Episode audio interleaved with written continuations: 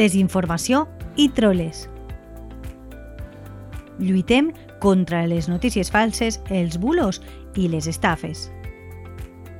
En la teua ràdio. Hola, benvinguts un dia més al podcast Desinformació i troles de la teua ràdio. La setmana passada vaig començar aquesta aventura i molts de vosaltres em vau transmetre la vostra opinió al respecte. Moltes gràcies per escoltar-me. És un plaer acompanyar-vos durant una estoneta contant-vos coses interessants sobre la desinformació. En l'anterior podcast us vaig explicar un bulo que circula en aquests moments, en aquests dies, per Monover, que segur que el recordeu. Doncs avui us portaré algunes claus perquè no us la peguen. Que no vos enganyen. M'acompanyeu? Els bulos o les notícies falses tenen totes unes característiques semblants que fan que ens salten les alarmes. Per a ser capaç de distingir entre un bulo o una notícia real, podem tenir en compte les 5 red flags, com diuen en anglès, o com diríem nosaltres, les 5 banderes roges, que ens avisen de característiques que ens han de fer dubtar. La primera red flag seria si rebem una informació que fa referència a les nostres emocions, que ens toca la fibra, hem de posar-nos en alerta. També cal parar atenció si ens arriba una informació massa bona per a ser certa. Per altra banda, si per a conèixer el contingut d'alguna informació hem d'anar saltant d'una plataforma a una altra, també hem de tenir els ulls ben oberts perquè ens la poden colar. La quarta red flag es refereix a un contingut que no inclou fons o enllaços a estudis oficials, explicacions, d'on prové aquesta informació. No ho sabem. I la última red flag, la última bandera roja, ens pot posar en alerta si la font que comparteix aquesta informació és sospitosa. Si no la coneixem, si té un nom un poquet peculiar, Eixes cinc qüestions es poden fer saltar les alertes i estar molt atents per a que no ens colen una informació falsa, una fake news, com a una notícia, bueno, que no ens passen una per altra. Això no vol dir que un bulo o una fake news, com estem parlant, hagi de tenir aquestes cinc banderes roges per a ser falsa, perquè solament si en té una ja hauria de ser un motiu suficient per a crear desconfiança en nosaltres. Ja sabeu que no podem creure tot el que ens arriba, al revés, hem d'estar molt atents per a no caure en cap trampa o estafa, perquè de vegades no és tan fàcil reconèixer-les.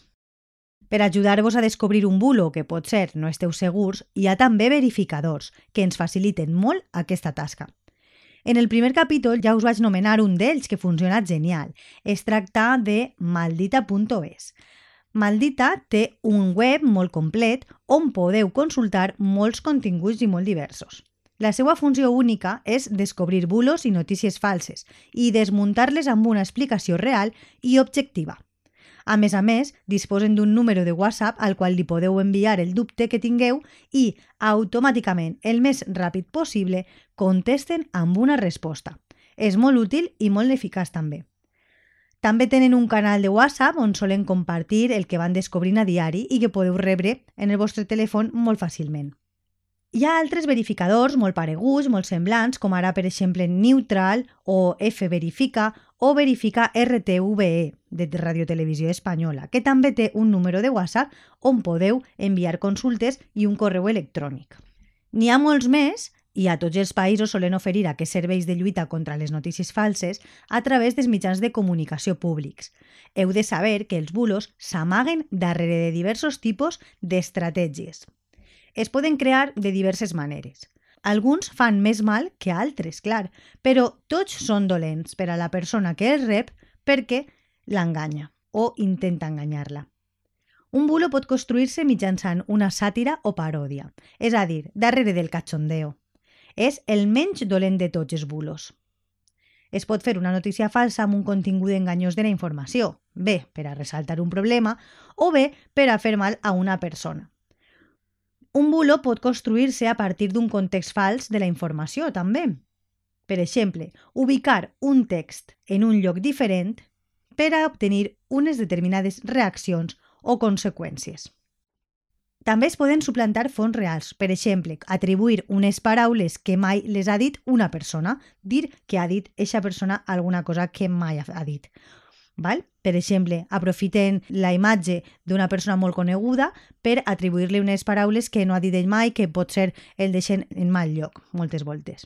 Un bulo pot iniciar-se amb la manipulació de contingut o d'imatges. Per exemple, partint d'una imatge real, poden canviar un element de la foto i distribuir-la com si fos la foto real o original.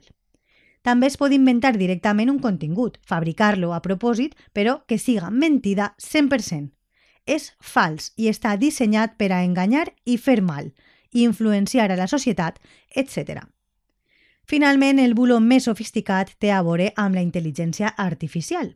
Són les deepfakes o el contingut ultrafals, amb imatges aparentment reals gràcies a la utilització de la intel·ligència artificial.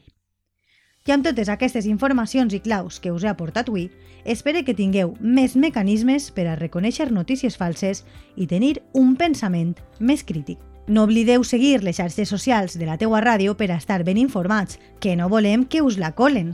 Lluitem contra la desinformació. Ens retrobem en el pròxim capítol de Desinformació i Troles, a la teua ràdio, on aprendrem a distingir periodisme d'opinió. Passeu bona setmana, amics! Desinformació i troles. Lluitem contra les notícies falses, els bulos i les estafes. En la teua ràdio.